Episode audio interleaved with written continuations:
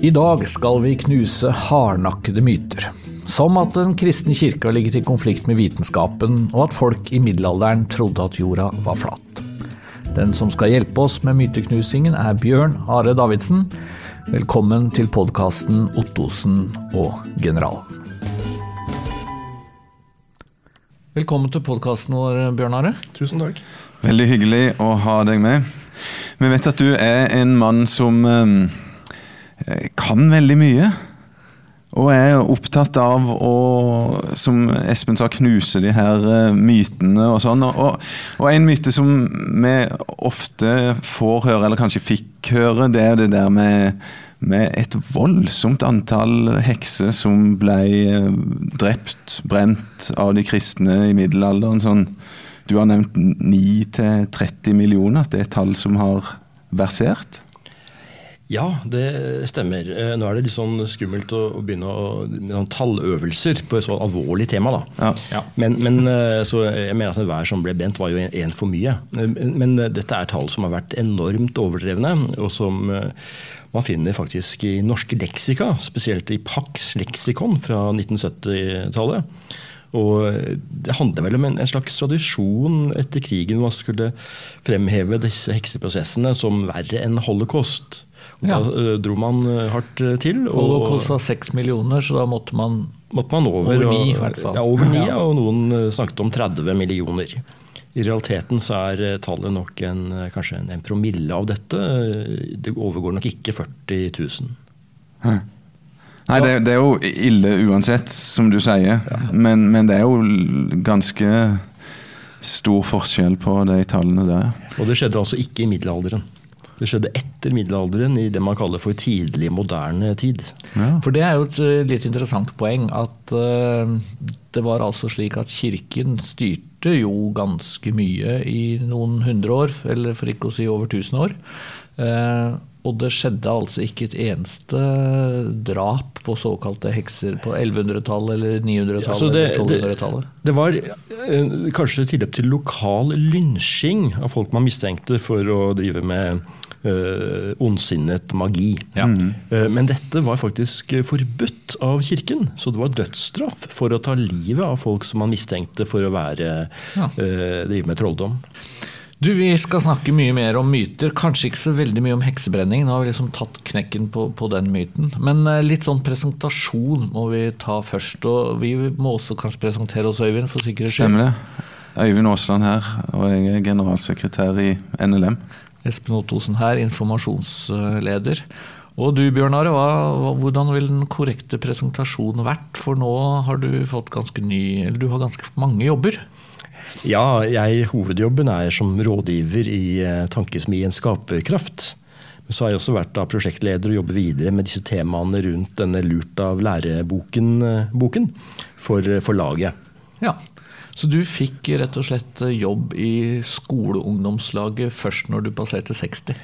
Ja, jeg hadde ettåringsstilling da jeg var noe yngre. Men, ja, okay. Eh, men eh, det stemmer, det. Og, eh, jeg jo, fikk jo et veldig godt tilbud om sluttpakke i min gamle jobb i, ja. i Telenor. Så jeg, etter noe vurdering svarte jeg ja til det. Og da hadde jeg jo allerede vært kontaktet av flere som hadde lyst til å bruke meg, og jeg sa ja til, til to av dem. Ja. Og Det er veldig bra. Eh, og så vet jeg at laget har jo vært viktig for deg. For eh, du har jo ikke noen kristen bakgrunn som veldig mange andre. altså Oppvokst i et kristent hjem med mye gudstjeneste eller bedehus og sånt. Nei, tvert imot så, så, mislikte jeg de greiene der. Så jeg holdt meg unna når jeg oppdaget at det var andakt på ungdomsklubb og sånt. Ja. Eh, da gikk jeg flot til den, den, ungdomsklubben, og aldri mer kom jeg tilbake dit. liksom. Du var en bevisst ateist, rett og slett? Ja, jeg var nok, altså Hvor bevisst jeg var, er litt usikkert. ikke sant? Det var ikke en sånn ny ateist-type av de, de mer sånn sinneateistene, men jeg bare, det interesserte meg ikke, og jeg kalte meg helt klart ateist. Ja. Mm. Men jeg var veldig nysgjerrig, alltid vært, fortsatt er. Så jeg kom i kontakt med noen kristne da jeg studerte. og De inviterte meg til å snakke litt eh, sammen og lese Johannes evangeliet. Det hadde jeg ikke lest ordentlig, så jeg tenkte det var jo spennende.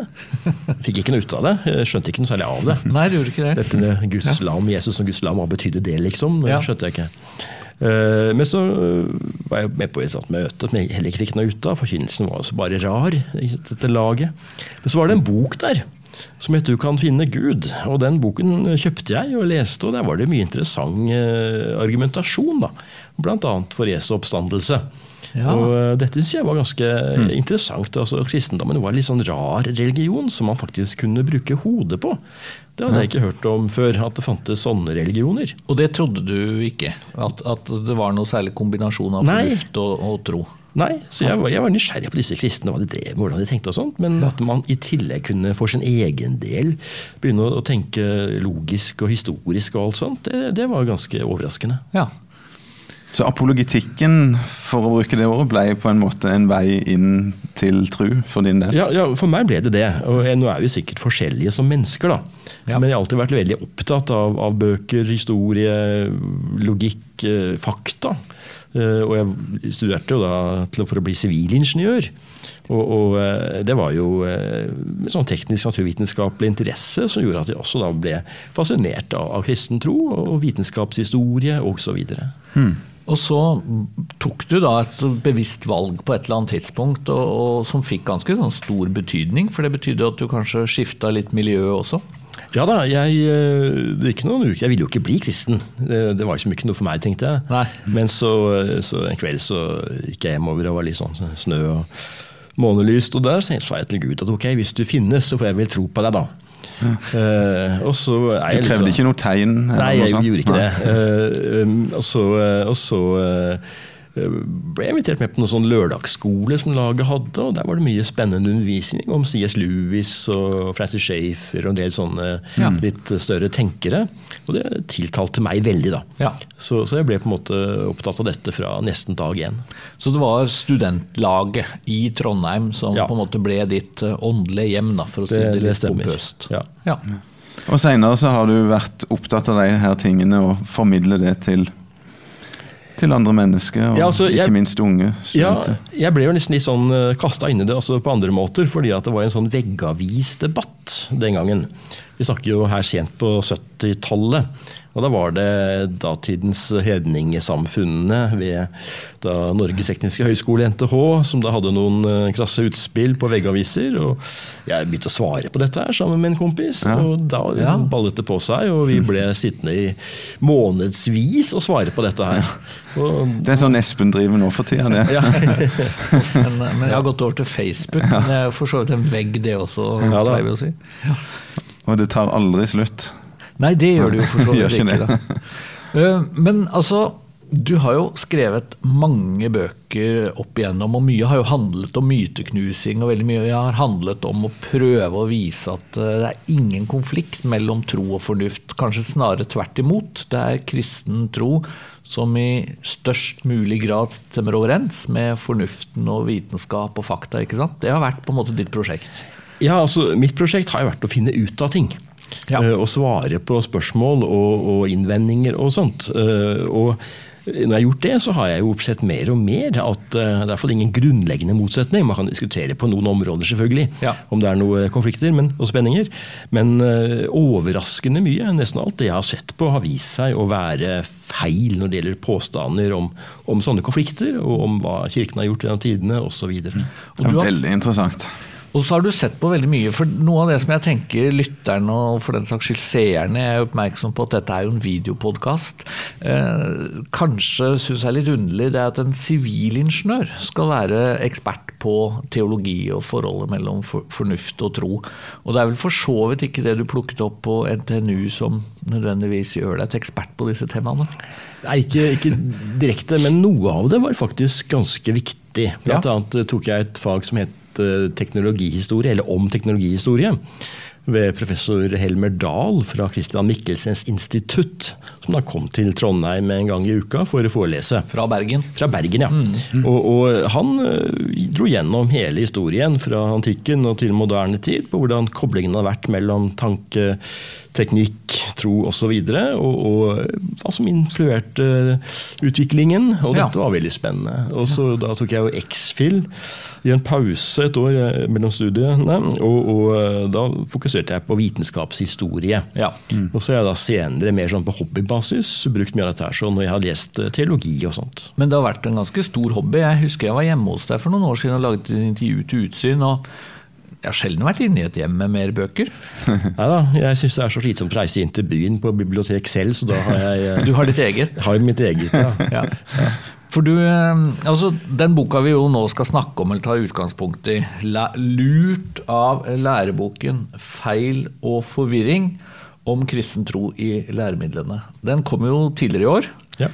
Vi kan jo ikke beskyldes for at vi er sånn hyperaktuelle. For det Nei, noen... det var august, var det? Eller noe sånt? Ja. Men, men, eh, vi kan kanskje stry, skryte på oss at vi er aktuelle på den måten at det er andre opplag jeg sitter med her. Og den er helt fersk fra trykkeriet. Ja. Og det betyr at eh, det, det, har blitt solgt mye? Det har vært stor interesse? Ja, det er uh, godt å se at dette temaet faktisk uh, vekker engasjement, og ja. at noen fortsatt i våre dager faktisk investerer i, i bøker. Og folk har blitt litt uh, sjokkert, har jeg merket meg, over at det er så mye rart som står rett og slett i lærebøker som brukes på barneskole, ungdomsskole, videregående. Ja, det er mest på de to første, men også altfor mye da, på videregående. Men det er veldig mye på barneskolen og, og, og ungdomsskolen. Mm. Mm. Vi skal snart i gang med myter og feil altså i disse norske lærebøkene. Men uh, vi pleier også å bruke litt tid på å oppsummere det som har skjedd siden sist. Og Øyvind, du var med sist på Skype. Ja, var det. Det gikk uh, ganske bra, men det er mulig at jeg gjorde en litt for dårlig jobb når det gjaldt å få deg til å forklare hva slags generalforsamling var du på i Indonesia. Ja, vi får jo dele skylda der, da. Jeg kan ja, okay. jo ha ytra meg litt uh, sterkere, selv om jeg satt der med Colaflaska di. Ja. Nei, det, det, var en fantastisk flott uh, samling. altså. Det var jo en generalforsamling i World Evangelical Alliance. Det er en, en verdensomspennende organisasjon som samler masse evangeliske kirke- og misjonsorganisasjoner. Over 90 nasjoner representert. 1000 eh, deltakere. Uh, 1000 da, deltakere, så det var ja. ganske store forhold. Ja da, det var det. Det, var, den, det, er jo litt interessant. da. Mange tenker at Indonesia er et land nesten uten kristne, og det har jo kanskje vi i NLM bidratt til. jeg vet ikke. Men det er jo altså den hallen som vi hadde samlinga i, den romma 12 000 mennesker og ble eid av en menighet som har 200 000 medlemmer. Oi. I Jakarta-området så bor det jo 30 millioner mennesker. Da. Det er verdens nest største byområde, la oss si et sted. Det er kanskje det er en myte. Men eh, det, det er iallfall ganske svært og, og, interessant å være der. Og det som er flott å se nå i den eh, evangeliske verden, er jo at Mesteparten av bidragsyterne, eller iallfall mer enn halvparten av bidragsyterne, er fra det som vi ofte omtaler som det globale sør. Ja. En inder som hadde bibeltime og og, og, det er jo en filippiner som er generalsekretær i bevegelsen. Og, så det var, det var, veldig fint å bli inspirert og høre på deres erfaringer som ledere. Og, og ikke minst den enorme veksten som, som kirka opplever nå for tida. Det, vi sitter her i vårt hjørne av verden og tenker at det er nedgangstider, men, men mm. Sjelden eller aldri har, eh, har, Kirken vokst sånn som den gjør i dag. Så det er flott å få med seg. Og du møtte da kollegaer av Bjørn Are, da, jeg tror fra den eh, internasjonale lagsbevegelsen? Det gjorde jeg. Det var jeg, jeg, faktisk en fra eh, Sri Lanka på mitt bord som uh, hadde vært ansatt i IFIS. Og, så det, ja da, der er det mye, veldig mye interessante folk. Mm. Og lærerikt å være en sånn sted. Og så, så, tror jeg jo fortsatt at vi fra Norge har noe å bidra med inn i det fellesskapet der. Så det, vi pleier jo når vi har gjester å teste interessen for fotball. Ja. Det pleier å være ganske varierende, så nå er vi jo selvfølgelig spent. Bjørn Are Davidsen, interessert i, i, fotball? Engelsk eller norsk eller noe annet? Ja, så Lagoppstillingen til Leeds 1974 kan det være ganske greit. ja. Du er rett og slett et gammelt Leeds-fan. ja. Men det betyr at du uh, har vandret i skyggenes dal uh, forholdsvis lenge? Ja, altså det var jo, og gjør det fortsatt. Det ble, det ble noe sånn tull med Leeds da, med skyldningen med kampfiksing osv. med daværende ja. manager Don Revy. Så da to av spillerne, to av de beste spillerne, Joe Jordan og Gordon McQueen, gikk til United det var, det, var, det var, en gledens dag. Fulgte jeg dem over, da.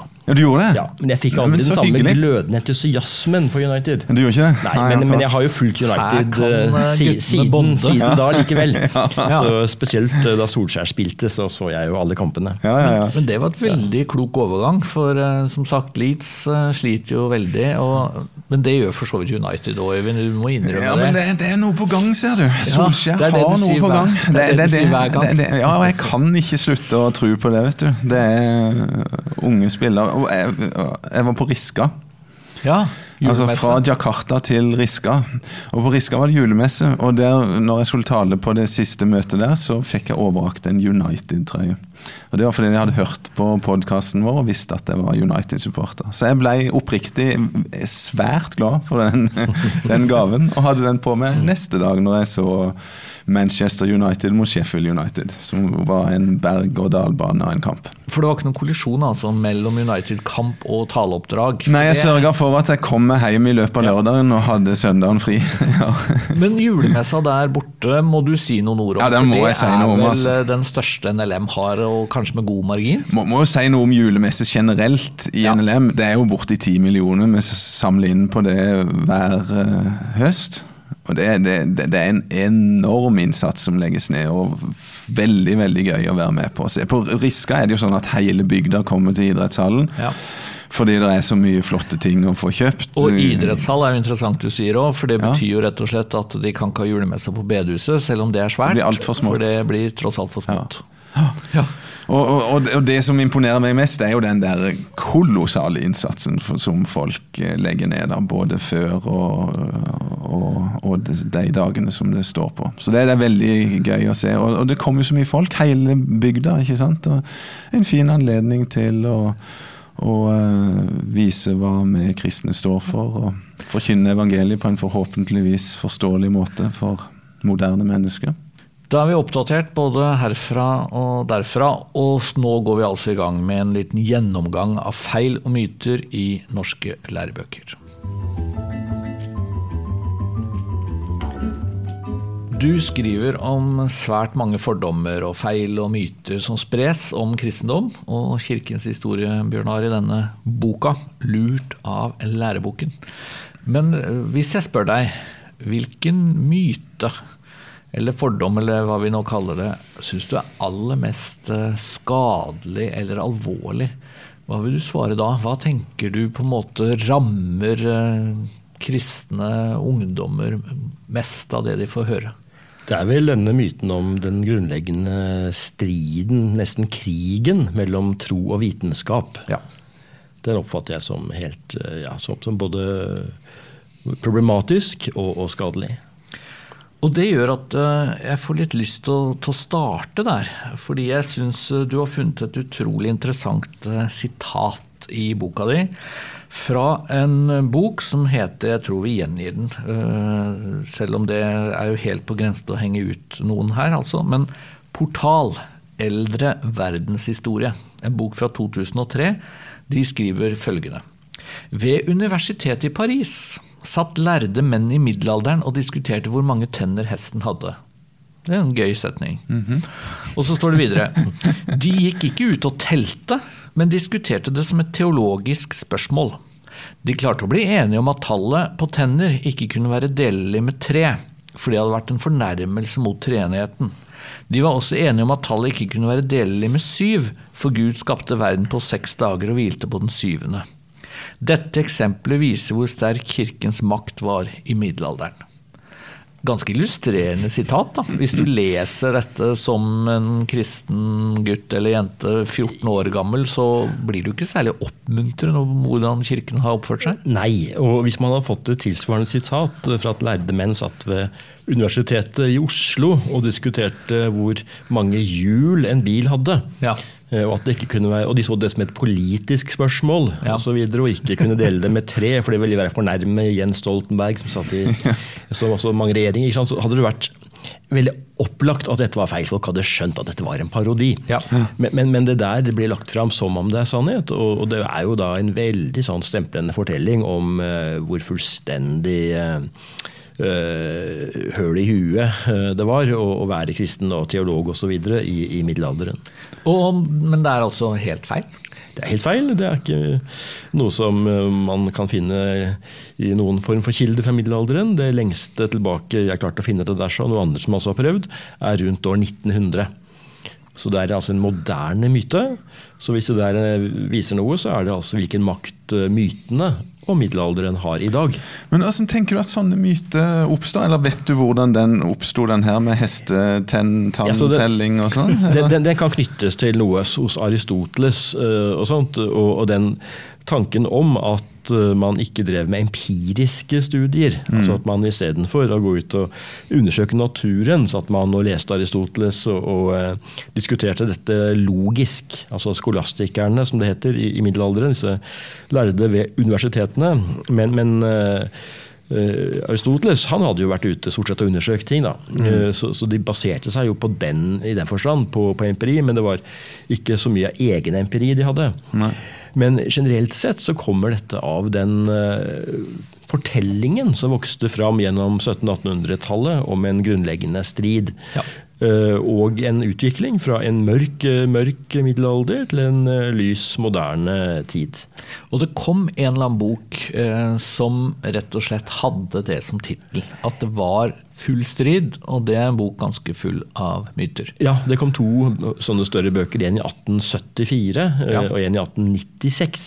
Og den siste av Særlig disse den siste har vel ja, hatt enorm betydning. 'Warfare' eh, var, tit var ja. i tittelen, da. Ja. Så det var direkte om krigen. Ja. Og uh, den boken hadde mye fotnoter osv., så, videre, så den ble jo tatt seriøst av en del folk. Veldig mange folk. Eh, men i dag så brukes det mest som et eksempel på hvor feil det går an å ta når man skal skrive historie, hvis man har en feil forestilling i, i bakhodet som man ønsker å fremme. Det er jo rart at lærebokforfattere i 2003 fortsatt gjengir en sånn myte. Ja, og det er enda rarere at det gjør det helt opp til våre dager. Ja. Så man fortsetter jo med Den er jo ikke noe som jeg ser andre steder, men veldig mange andre myter de ser man jo i mange bøker. Det er seiglivet, og ja. forfatterne tar seg ikke bryet med å sjekke og gjøre et Altså man, man, kommer ikke på at det kan være feil, pga. det bildet man har i bakhodet av, av, middelalderen, av kirken og av kristne. Og Noe av det som overraska meg mest når jeg leste gjennom boka di, var at du også har eksempler fra KRLE-bøker. Altså, Jeg hadde jo tenkt at det var kanskje bøker fra naturfagene eller samfunnsvitenskapen som særlig satte kirken i et dårlig lys. Men her har jeg et sitat fra en KRLE-bok fra 2016 eh, om også akkurat dette. Der står det sånn Vi kan si at den moderne vitenskapen innførte en ny type sannhet i forhold til religiøse sannheter. Det var en type sannhet som kunne undersøkes og bevises gjennom forsøk, og som ikke var grunnlag på tro eller hva andre hadde tenkt tidligere. Sunn vitenskap kan ta feil eller ha rett, og den er alltid åpen for diskusjon. Og dette sies da i en sammenheng hvor nå kommer vi inn i den nye tiden. Når ikke Kirken lenger har den totale makt. Og da blir man opptatt av måte, moderne vitenskap. Og det står i en KRLE-bok. Ja, altså, det, det, er jo, Man kan si at det er en, en, noen sannheter i de sakene. For han endret jo uh, vitenskapssynet i løpet av 1600-1700-tallet. Men det hadde veldig lite å gjøre med noe kirkelig eller mm. noe mindre gudstro eller noe sånt. Det hadde noe å gjøre med at man forlot et aristotelisk eh, tenkesett. Uh, hvor man rett og slett uh, gikk ut og stilte nye typer spørsmål til mm. naturen. Men, men å koble det inn til liksom, tro og sånt, det, det blir helt misvisende.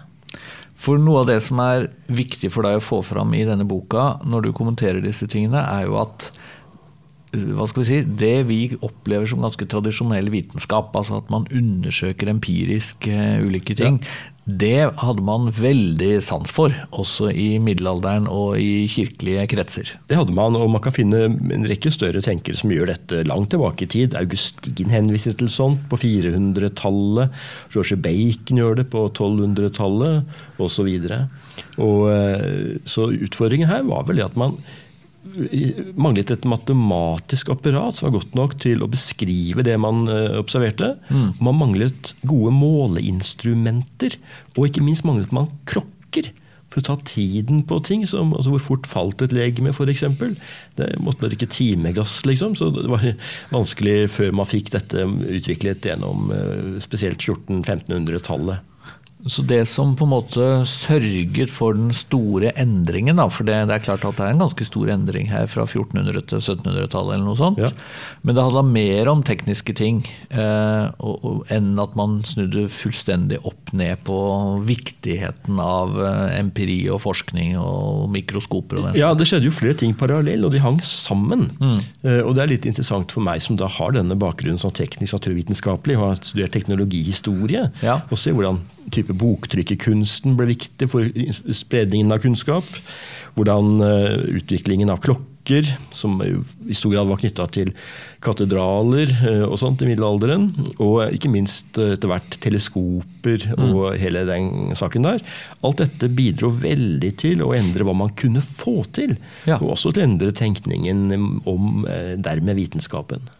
Så det, det du gjerne vil få fram det at det var helt andre ting enn eh, en, eh, Det var ikke det at kirka satte en stopper for eh, forskning osv., men det var helt andre ting som førte til det skiftet.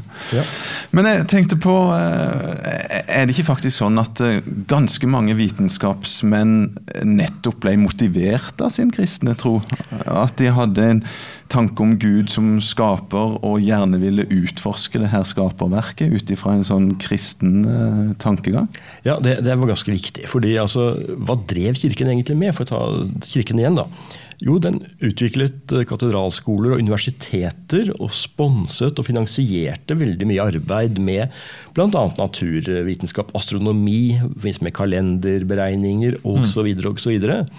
Og i dette så var det veldig viktig for tenkerne at man trodde på en type natur som ikke var styrt av guder som Thor og Odin og sånt, som bare valgte å gjøre ting ut fra hva slags humør de var i den dagen. liksom At mm. lyn og torden ble skapt av tordenguden Thor. Og i stedet at det var en trofast gud mm. bak skaperverket.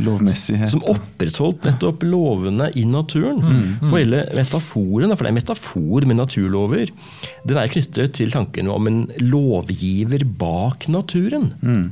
Og jeg synes I dag så er det liksom paradoksalt når noen omtrent bruker det at de finner lover i naturen som et slags argument mot at det finnes en lovgiver. Mm.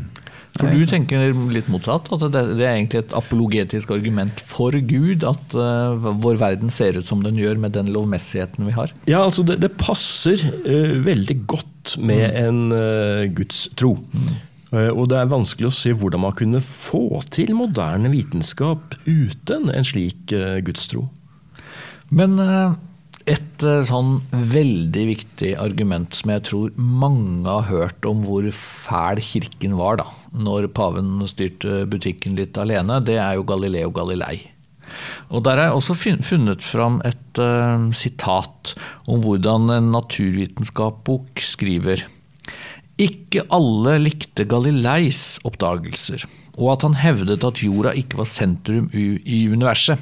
Deler av presteskapet nektet å se inn i Galileis djevelske instrument, og det må jo da være eh, stjernekikkerten. Eh, inkvisisjonen, den katolske kirkens domstol, tvang ham til å trekke tilbake det han hadde sagt, og dømte han til fengsel på livstid. Senere gjorde paven om dommen til livsvarig husarrest.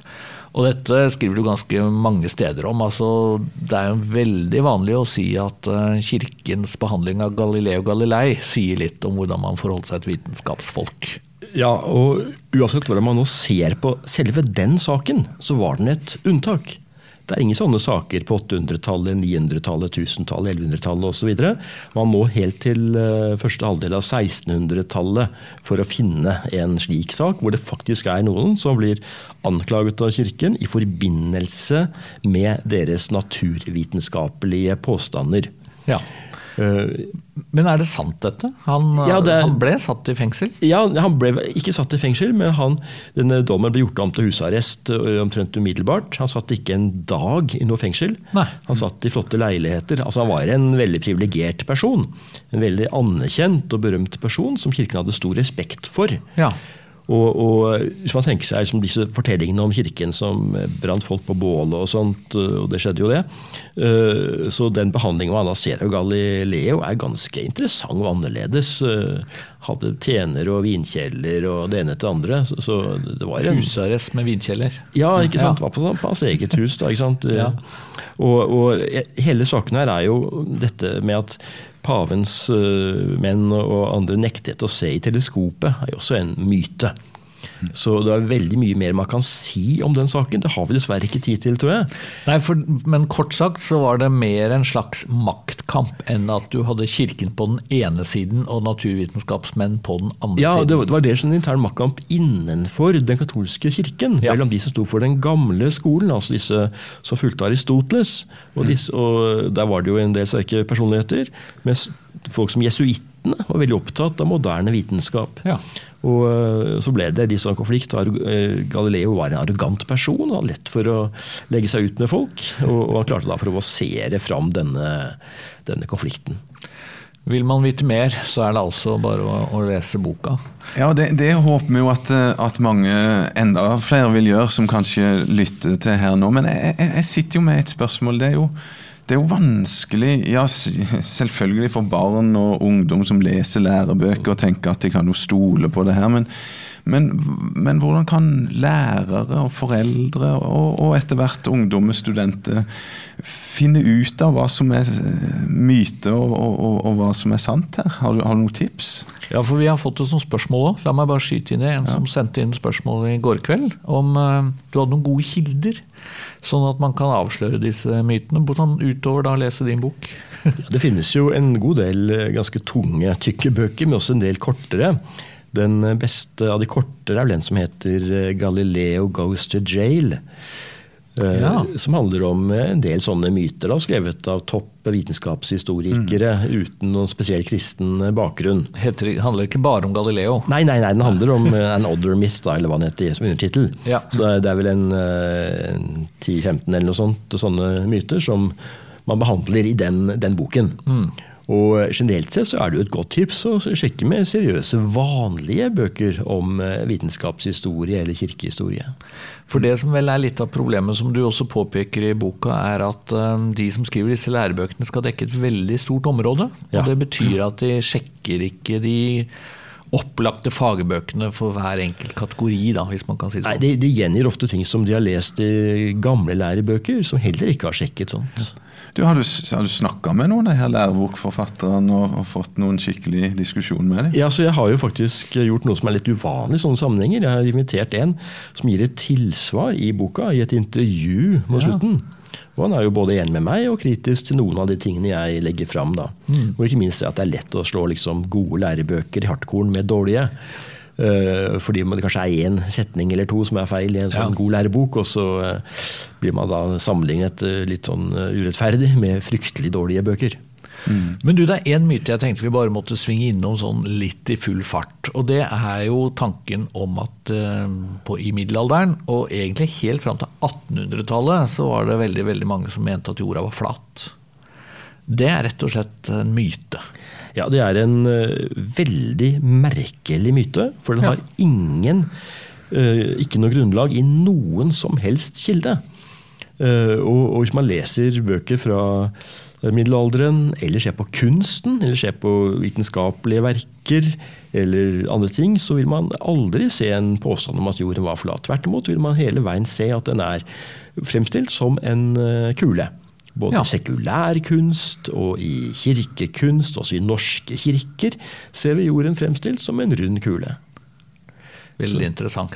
Det, for det, det, påstås fortsatt, og jeg ser du har mange eksempler. ja, myten, myten stammer i stor grad fra en bok fra 1828, altså under 200 år gammel, Akkurat. som hevdet at Columbus måtte diskutere hvorvidt jorden var flat eller eh, rund. Mm -hmm. Og den ble opp omfavnet av noen eh, spesielt franske regionskritikere som brukte det mye i debatter senere og kom inn i norske lærebøker.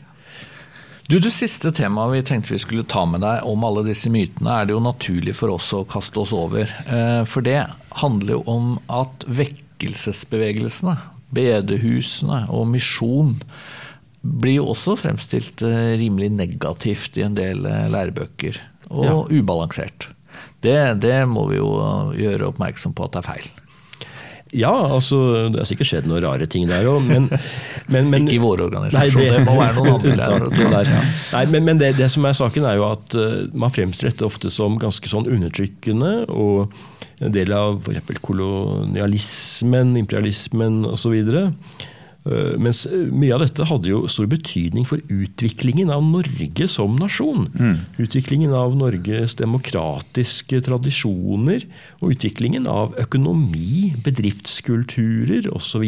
Hans Nilsen Hauge Ja, Han var veldig viktig der. Og denne, det som ofte kalles for den protestantiske arbeidsetikk, som man for så vidt kan finne røtter mye lenger tilbake enn en, en eh, protestantismen, men som da er, er ganske avgjørende for 1800-tallet i Norge. Ja. Det, du skriver jo litt om det i dagen i dag, faktisk. Det er ja. veldig interessant å se på morgenkvisten. I den grad jeg var våken, så fikk jeg med meg litt av det.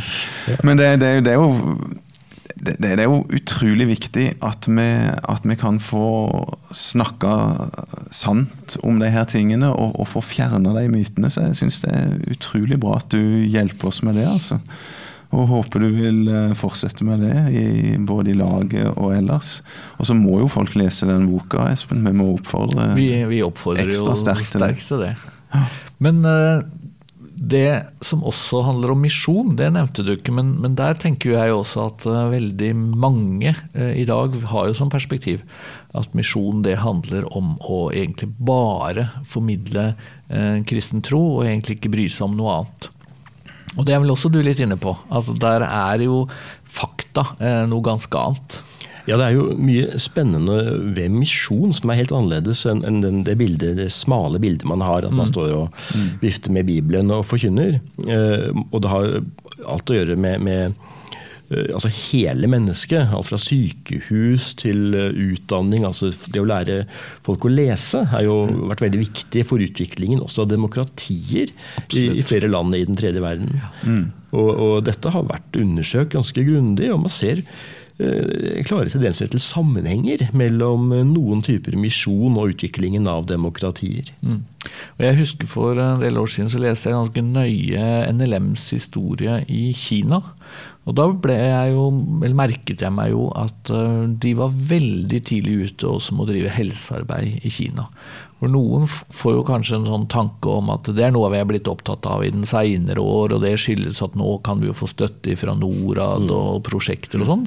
Men altså NLM har altså siden 1891 tenkt at uh, hånd i hånd med evangelisering og kirkebygging og sånn, så skal man gjøre noe på helseområdet og på undervisningsområdet. Og Det er jo faktisk vanskelig å komme unna det hvis du leser Bibelen og tar den på alvor. ja da. du vil hente inspirasjon derfra. Det, det er mange eksempler, som uh, kampen mot enkebrenning i deler av India, ja. kampen mot fotsnøring i, på jenter i Kina osv., mm. hvor misjonens uh, organisasjoner og, og, ofte konene til misjonærene har vært veldig aktive. Nettopp. Et, jeg, må bare stille ett spørsmål til til uh, gjesten vår her i dag. Det, det, du, du, snakker om uh, forhold, tro, vitenskap. ikke sant? Det, det, er mye det. Men til sjuende og sist kommer, kommer du òg til et sted der det handler om tro, og der uh, det er en, en, grense for fornuften, og der, der det faktisk handler om å tro og gi seg over og feste tillit til noe som ikke kan bevises? Ja, det er helt klart det. Altså, det er litt meningsløst å si at man kun kan tro på det som kan bevises. For da er det jo ikke noen tro, i noen normal forstand i hvert fall. Mm. Så det er helt opplagt at eh, det jeg tenker eh, om sånne ting, handler om at man må ha gode grunner for å ta noen steg i tro. Mm. Og, og, hengi seg, for å bruke det ordet, eh, til, til noe som er større enn en selv osv. Og, og, og her er det jo, mener jeg, gode grunner til å tenke at Jesus sto opp fra de døde, og alt det der, men det kan jo ikke bevises vitenskapelig eller direkte med, med fornuften. Da fikk du svar på det også, Øyvind. Ja, og så tar vi altså tid til to spørsmål som vi har fått sendt inn.